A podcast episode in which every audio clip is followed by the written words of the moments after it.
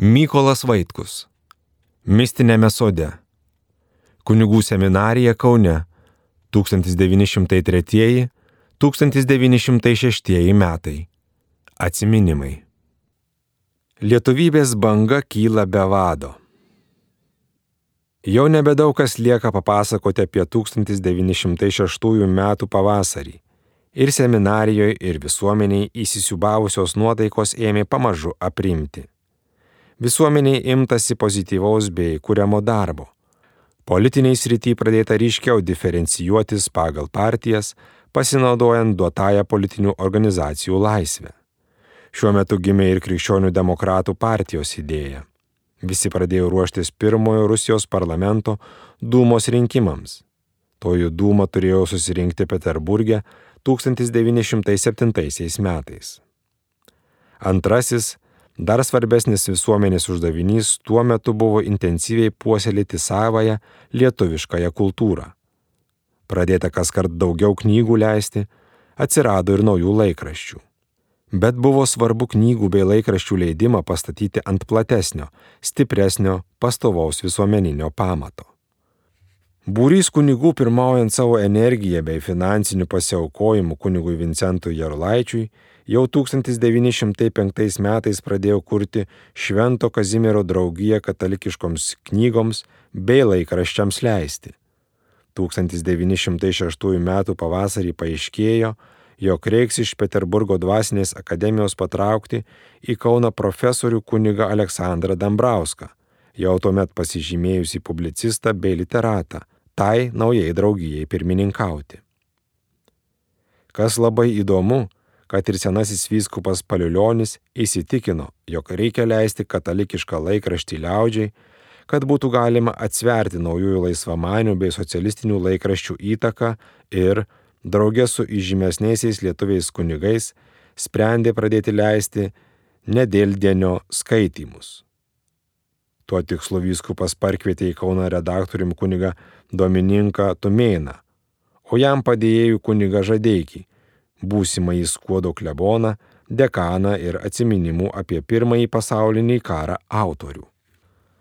Būsimai lietuviškos kultūros raidai buvo labai svarbus ir kitas vyskupo anometinis paskirimas - kunigo Konstantino Olšauskio klebonu į Karmelitus Kaune.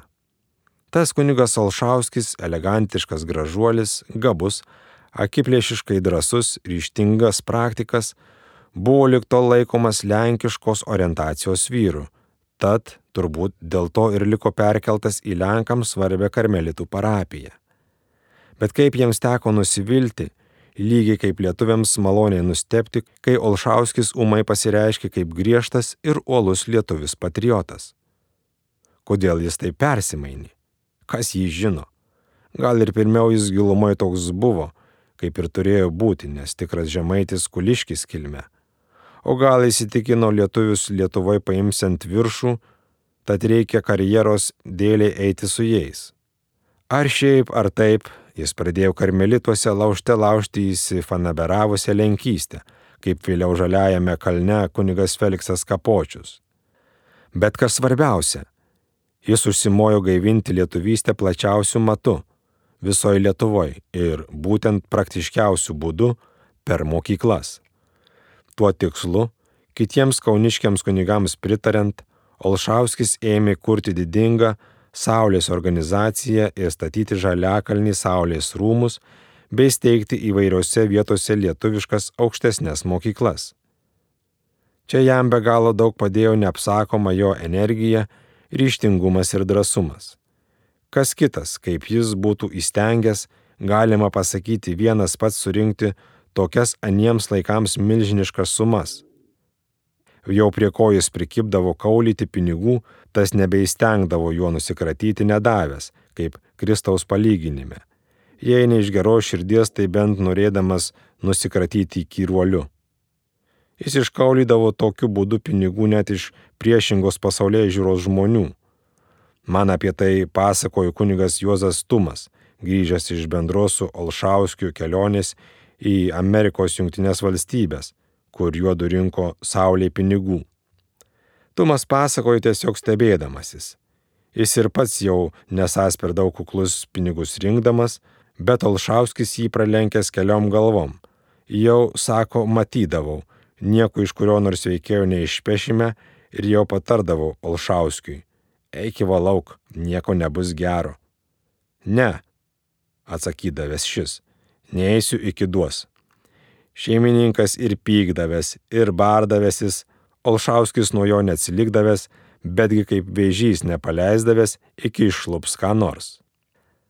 Tas pats Olšauskis vėliau pirmojo pasaulinio karo metu labai daug pasidarbavo iškelti Lietuvos nepriklausomybės klausimui politinėse Europos sferose ir plačiausiuose sluoksniuose, visur sugebėdamas įsiskverbti, prie visų prieiti, visiems užimponuoti. Martynas Yčas yra man apie tai pasakojęs, stebėtė stebėdamasis Olšauskio paslankumu, landumu, drąsumu. Yčias turėjo progos jį iš arti stebėti, dargi drauge veikti. Vienas didingiausių anuometinių Olšauskio žygių buvo tai, kad jis išgavo iš šventojo sosto taip vadinamą Lietuvių dienos paskelbimą - rinkliavą visame katalikų pasaulyje vargstančios Lietuvos reikalams surinkta be ne 3 milijonai frankų. Gaila, labai gaila, kad tas toks spalvingas, įdomus, vertingas asmuo baigė gyvenimą taip liūdnai, tragiškai. Apsižvalgę plačiau po visuomenės gyvenimą pirmojoje 1906 metų pusėje, vėl grįžkim į seminarijos pasaulėlį. Čia irgi silpnučiai revoliucijos atodusiai visai išdūko ir prasidėjo paprastas, uolus mokslo bei saviauklos darbas. Juk ne per toli mokslo metų, o ne vienam ir iš viso seminarijos gyvenimo galas, egzaminai ir galutinis ryžimasis, ar ilgą drabužį visą gyvenimą nešioti džiaugsmė ir liūdėsi, vargę ir laimiai, ar su juo atsisveikinus visam pasinerti trumpą drabužių jūroj. Tad susikaupta ir išsijuosus darbuotasi ir melstasi, ramiai, ištvermingai, palaimingai. Bet išorinio gyvenimo viena kita nerami bangelė vis dėlto dar užklyzdavo ir į ramų į mūsų kampelį. Sakysim, prasidėjus smarkiai dešiniai reakcijai Rusijoje, susiorganizavus ten Rusų tautos sąjungai ir ėmus siundyti žemasias žmonių aistras prieš pažengesniuosius elementus, ėmus ruošti žydų skerdynės, susidarė tam tikra nerimo atmosfera. Pradėjau tai čia, tai ten sklisti kartais pagrysti, kartais nepagrysti gandai, kad ateinanti juodoji šimtinė daryti pogromų. Susidarė ir Lietuvoje atitinkama baimės nuotaika, sklido įvairūs gandai, kuriais žmonės kartais ir patikėdavo. Tad nedyvai, kad ir į mūsų dievulio saugomą į kampelį vieną kitą kartą užklyzdavo juoda baimės banga ypač vienas iki kuo nepradėta rimtai ruoštis pavojui. Dekanas net turėjo galvosūkio, net rimti draugai ėmė įspėjinėti, girdi reikia ką nors daryti, tarti su viršininkais ar ką. Dekanas kažkodėl nenorėjo tikėti esant kokį realų pavojų.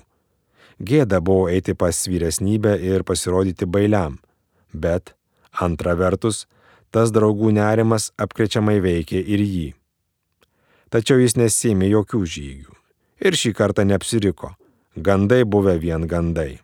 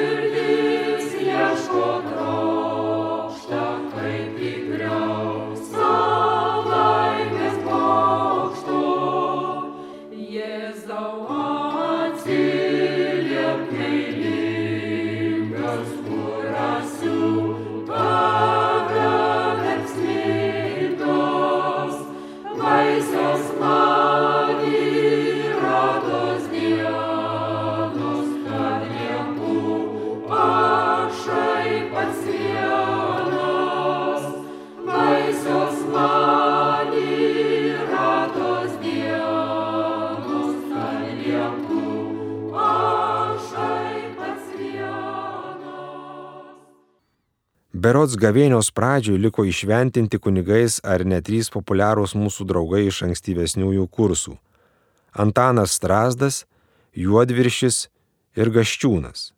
Šventiminių pietų metu dekanas sugalvojo išdrošti patriotinę prakalbą. Nebeatsimenu, ar tikrai buvo ir prefektas Liausas. Tiesą pasakius, būtų turėjęs būti, kadangi per pietus jis paprastai būdavo refektorijoje. Dekanas savo prakalboje norėjo išreikšti mintį, kad ir kiekvienas kunigas privalo mylėti savo tėvynę, bei jos labui uoliai darbuotis, ir kad tas veikimas ne tik nėra priešingas bažnyčios interesams, bet dargi, ką padarysi naudinga tėviniai, tai bus naudinga ir bažnyčiai. Dekanui visai nekvailai atsakė naujas kunigas Strasdas, patriotiškai bei kunigiškai. Tik štai po tos iškilmės prefektas šaukė pas save dekaną ir už čia mina pareiškė. Ar drįstumėjai kunigė dekanę sąmoningai pasirašyti po aną nuomonę, kurią išreiškė savo refektoriaus prakalboj. Būtent, kad kas naudinga tėviniai, naudinga ir bažnyčiai. Pagalvojęs juk ir pats supranti, kokia pavojinga toji nuomonė. Dekanas susigėdo, suprasdamas nepakankamai tiksliai išreiškė savo nuomonę, kuri pagrindė vis tiek yra teisinga. Tėvynę mylėti yra prigimtinė pagarbos dorybė, virtus pietatis. Tad kiekvienas protingas jos praktikavimas negali nebūti naudingas ir bažnyčiai.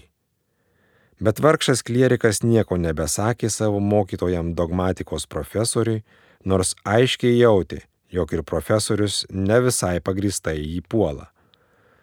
Būtų reikėję polimą kitaip formuluoti bet kaip tas gudrybės lenkiškai išreikšti, kai žodžių bei sakinių trūksta. Tad taip sugėdintas ir išėjo. O vis tiek įdomu. Karštas Lenkas Liaus nebepuolė jo už patį faktą, kad oficialiai lietuviškai kalbėjo. Tad gali džiaugtis per maštę nukentėjęs. Bet didžiausioji laimė dekanui buvo, kad pasisekė atlikti Basanavičiaus minėtą įvertimą bei įteikti o nei Kriškijonas, nei Liausas nesuodė. Jei būtų sučiupę, dekano gyvenimas būtų nuėjęs visai kitų kelių. O šiaip, pasisekė pirmąjį savo gyvenime kartą sueiti į sąlytį su garbingu tėvynės vyru, anuometiniu Lietuvos vadu. Vadu? Ar jis buvo anuomet tikras, jaučiamas bei klausomas lietuvių vadas? Gal buvo kitas tikrasis vadas? o gal neturėjome anuomet tokio. Reikia nepamiršti, jog kartais tik istorikai padaro iš tam tikrų praeities asmenų vadus. Atsižiūrėdami į jų nuveiktų darbų, parašytų raštų, pasakytų kalbų sumą ir dėl to manydami, jog jie turėjo būti savo bendralaikių vadai. O tie bendralaikiai visai nemanė, jog tai esą jų vadai ir jais nesekė. Tad bandysiu čia prisiminti, ar turėjome anuomet vadų, kurie būtų mus pajėgiai vedę, o mes būtume su tam tikru entuzijazmu paskui juos sekę. Jau nebe pirmas mėno, kai apie tai galvoju, bet likščiol dar nepasisekė rasti asmenų, kurie būtų buvę tikri mūsų vadai. Tikrais vadais laikyčiau tokius vyrus, kurie turi savo dvasiui bei širdį patrauklę idėją, ją ją degte dega patys ir moka uždegti kitus yra dinamiški, pilni drąsos, ryšto, jėgos, reikiamų gabumų ir pasišventimo. Kiekvienas pripažins, jog tikro vado tipas buvo, pavyzdžiui, Hitleris ir Leninas, o žemesnio laipsnio Musolinis ar Pilsudskis. Iš lietuvių vadiško tipo galėtume paminėti Voldemarą ar Kurpavičių, o švelnesnės rūšies Smetoną ar Sleževičių kai žvalgaus po ano laiko Lietuvą tokių tipų neregiu. Tiesa, Jonas Šliūpas turėjo tinkamą tam medžiagą, bet buvo toli Amerikoje, pasirinko nekonstruktyvę, žalingą, antireligingumo idėją, ėmėsi vykdyti greunamą visuomenės skaldimo darbą, įžeidė lietuvių beveik visos visuomenės brangiausiosius idealus bei jausmus ir stumti atstumė nuo savęs lietuvių tautos beveik visumą, pasilikdamas vadas be armijos. Basanavičius bei Petras Vileišis, nors labai vertingi bei garbingi lietuviai, neturėjo reikiamo vadams dinamizmo. Jakštas, Maironis, Vaižgantas taip pat. Kiti jaunesniai dar nebuvo pasireiškę. Buvo pradėjęs reikšti Olšauskis. Jis turėjo berots visas tikro vado ypatybės, bet sužibėjęs kuriam laikui kaip tikras meteoras, jis kaip meteoras veikiai nukrito žemėn ir liūdnai užgeso. Taip tai mes, anuomet einas mokslus jaunimas, ir lietuvių visuomenė tikro didesnio vadovo ir neturėjome. Betgi nejautėme ir ypatingo trūkumo, nes mus gaivino ir vedė ir stumė į žygius pati to laiko atmosfera, kurią kvėpuotę kvėpavome visi, ir tariamieji vadai, ir tariamieji vedamieji, ir ėjome visi į priekį, kiekvienas savo svarbesnę ar menkesnę dūdą pūsdami. Gal kuriam dūdininkui ir atrodė, kad jis vadovaujas, bet tai buvo vien iliuzija. Ir jis buvo neatspiriamai bendros visus pagavusios bangos nešamas ten, kur tą bangą varė laiko vėjas, net pasakyčiau audra, kuri pamažu buvo susidariusi praeitį iš gal neriškių laiko bei vietos aplinkybių ir aplinkos įtakų, kurios palengva išaugo į didelę galybę. Gražiai tai išreiškia Maironis savo kūrinėlį - nebeužtvenksi upės bėgimų. Bet ir jis dainavo vien tai, ką jautėme visi ir tik dėl to visi prieimėme jo dainą kaip savą. Beje, čia noriu priminti jaunesniesiems, kad nepamirštų kompozitoriaus naujalio, kurs Maironio reikšmingasias dainas pavertė muziką ir tuo būdu jas įdėjo lūpas susiprantančiajam jaunimui, ypač lietuviams klerikams įvairiose seminarijose, o šie jau išnešiojo tas dainas draug su naujalio mokiniais vargonininkais po visą Lietuvą ir jas įskiepijo į liaudės bei moksleivių širdis. Be naujalio kažin ar Maironio dainos būtų buvusios tokios populiarios. Tai pabraukiu. Ne Maironio didžius nuopelnus norėdamas sumažinti, bet naujalio nuopelną Maironiui bei Lietuvai ryškiau iškelti.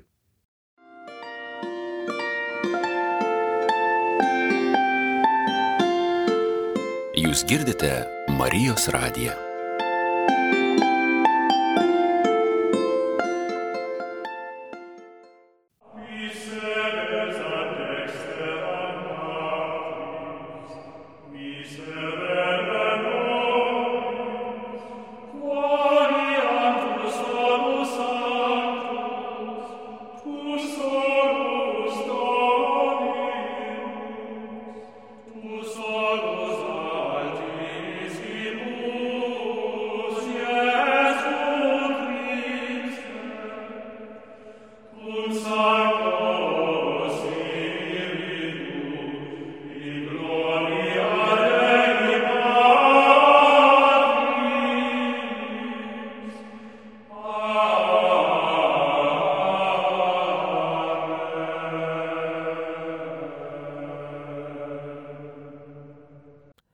Seminarijos gyvenimas baigęs. Štai ir vėl pavasaris įsigalėjo seminarijoje.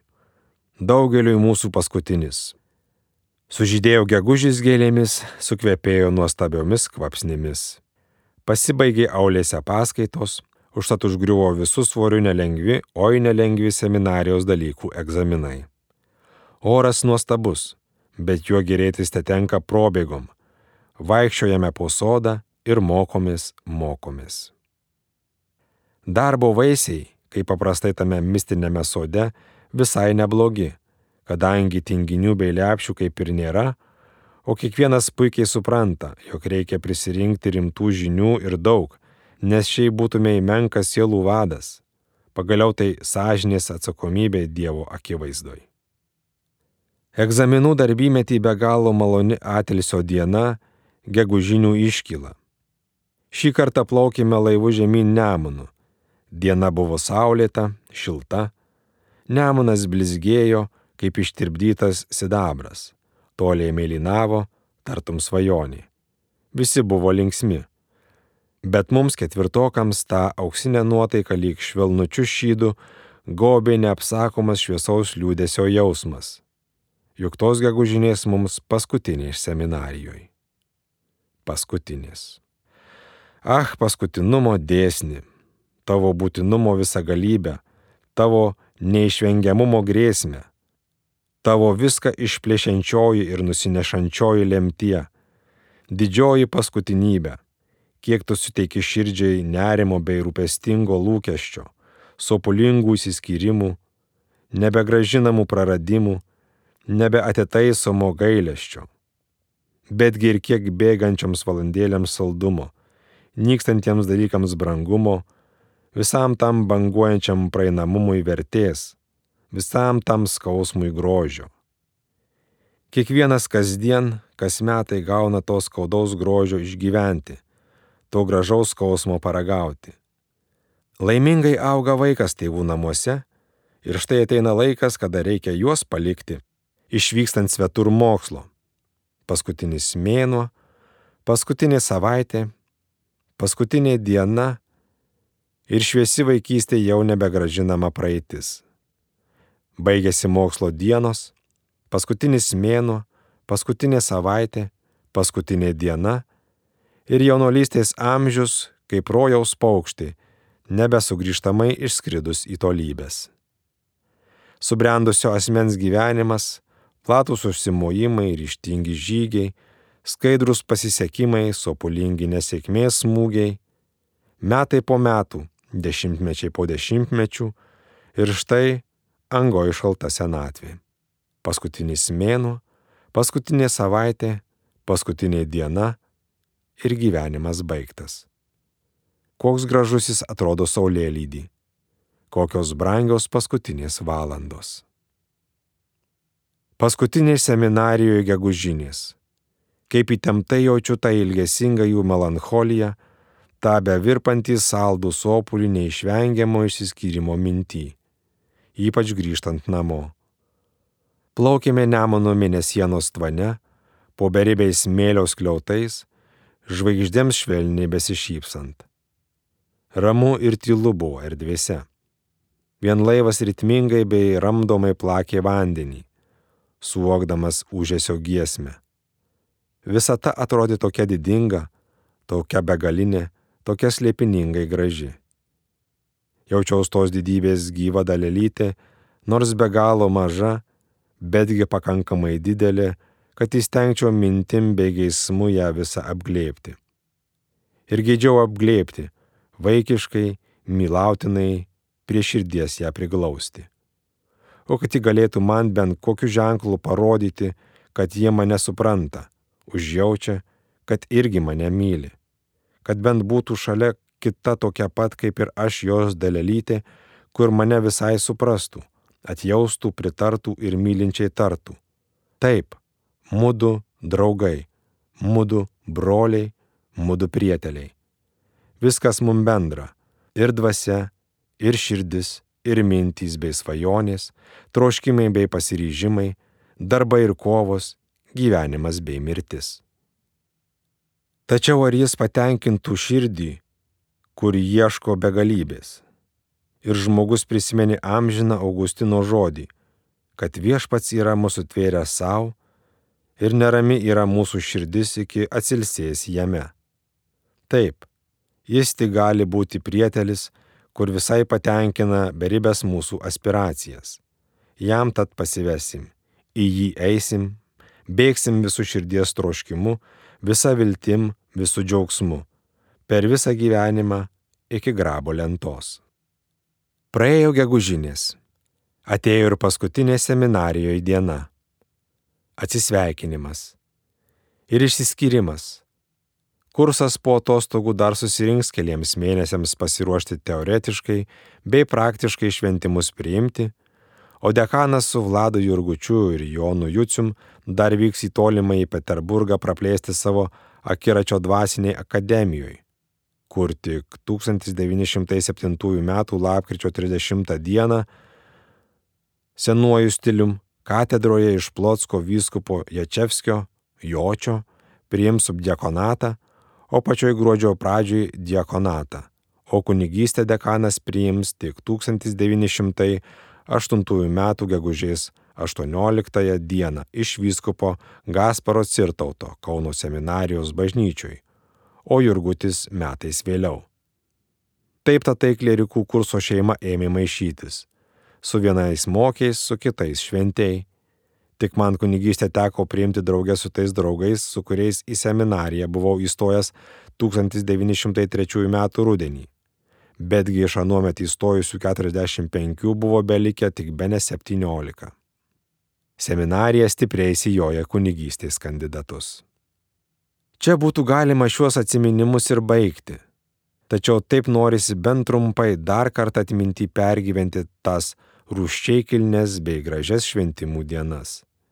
Tie mūsų išgyvenimai gali būti įdomus ir tiems skaitytojams, kurie savo gyvenime tokių dalykų neturėjo kalbu apie mūsų išgyvenimus, kadangi visi, apskritai imant, tomis pat mintimis bei jausmais gyvenome. Tie paskutiniai šventimai buvo aukštesniai šventimai - subdiakonatas, diakonatas ir kunigystė.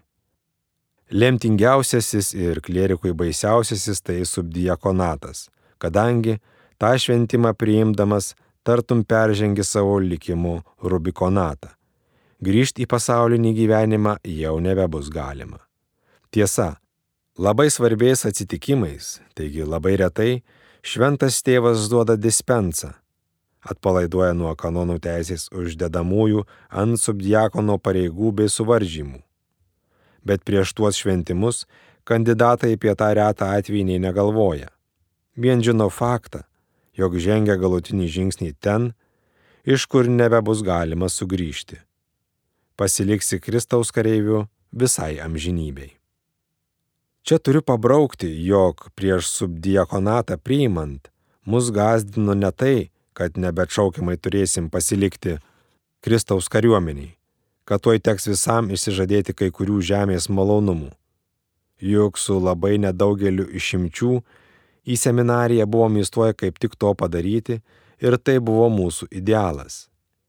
Bijojome vien to, ar tikrai neklystame, verždamiesi į kunigus, ar turime pašaukimą, ar nesilaužėme kaip vagys ir plėšikai į viešpaties šventyklą, kur ne mums vieta. Juk tai būtų dideliausia nuodėmė, kurios pragaikštingos pasiekos būtų tiesiog neapskaičiuojamos savo patiems ir kitiems. Per ketverius jau metus vyravom ir būkštavom, ir trokšdami, ir bijodami esą neverti tos amžinosios kunigystės pagal Melchisedeko pavyzdį.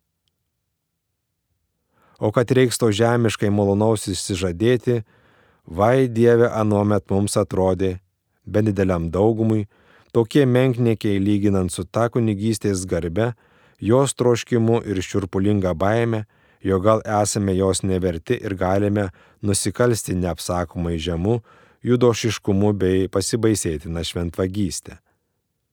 Juk nesugedusios jaunos širdys buvo pilnos keistaus idealizmo. O kogi turėjome įsižadėti, kokių didesnių turtų susikrauti ir jais nevaržomai gyvenime pasigirėti. Apie tai jaunos idealistų širdys nesvajoti nesvajodavo.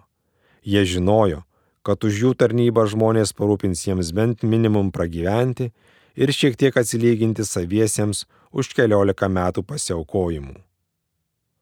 O kas atliks, jei atliks, jie galės panaudoti svarbiam kultūriniam uždaviniui, leisti į mokslus gabesniuosius savo šeimų narius, nekalbant apie katalikiškų įstaigų, laikraščių, knygų palaikymą, visą tai ateityje sąžiningai atliko. Išsižadėti laisvesnio bei linksmesnio gyvenimo būdo, daugelio pasismaginimų bei pramogų, betgi tai anuomet mums atrodė tokie niekai, lyginant su aukštu mūsų uždaviniu. Pagaliau per keliarius metus seminarijoje save išbandėme ir įsitikinom lengvai galybę tokių dalykų apseiti o juk esama daugybė visokių padorių gyvenimo malonumų, kurie šalia mėgstamų darbo gali maloniai užpildyti laisvas valandas. Mokslai, knygos, muzika, daina, menas, rašomoji kūryba ir taip toliau. Išsižadėti didelės dalies savo laisvės ir visiškai pasiduoti popiežiaus bei vyskupo autoritetui būti lyg kareivių kariuomeniai po griežta viršininkų valdžia, tai mums netrodė anuomet niekiek sunku ar nemalonu. Labai gerbėme dvasinius savo vadovus bei mylėjome, netgi tokius kaip Kriškijonas ar Liaus, lenkaujančius gerbėme ir gana branginome, tad visai, pak... tad visai paklusti popiežiui ar vyskupui mums atrodė visai natūralu ir miela. Įsižadėti pasaulietinių drabužių ir nuolat dėvėti kuniginę uniformą, tokią skirtingą, tokią puolančią į akį? Na, čia tai mums nebuvo nuomet jokios problemos. Ir mes patys, ir mūsų tėveliai bei artimieji laukte laukė, kai stojome į seminariją, kuomet čia pagaliau pasirodysim apsivilkę kunigiškai ir džiaugės mus tokiu išvykę. Ir gėrėjus tuo tikrai estetišku kunigo sutonu. Ir mes patys džiaugiamės ir buvome pasiryžę niekuomet jo neišsižadėti, nepaniekti, nesibodėti, juoba nesigėdyti. Klausėtės ištraukos iš Mykolo Vaitkaus prisiminimų knygos Mistinėme sode. Skaitė Remigijus Endriukaitis.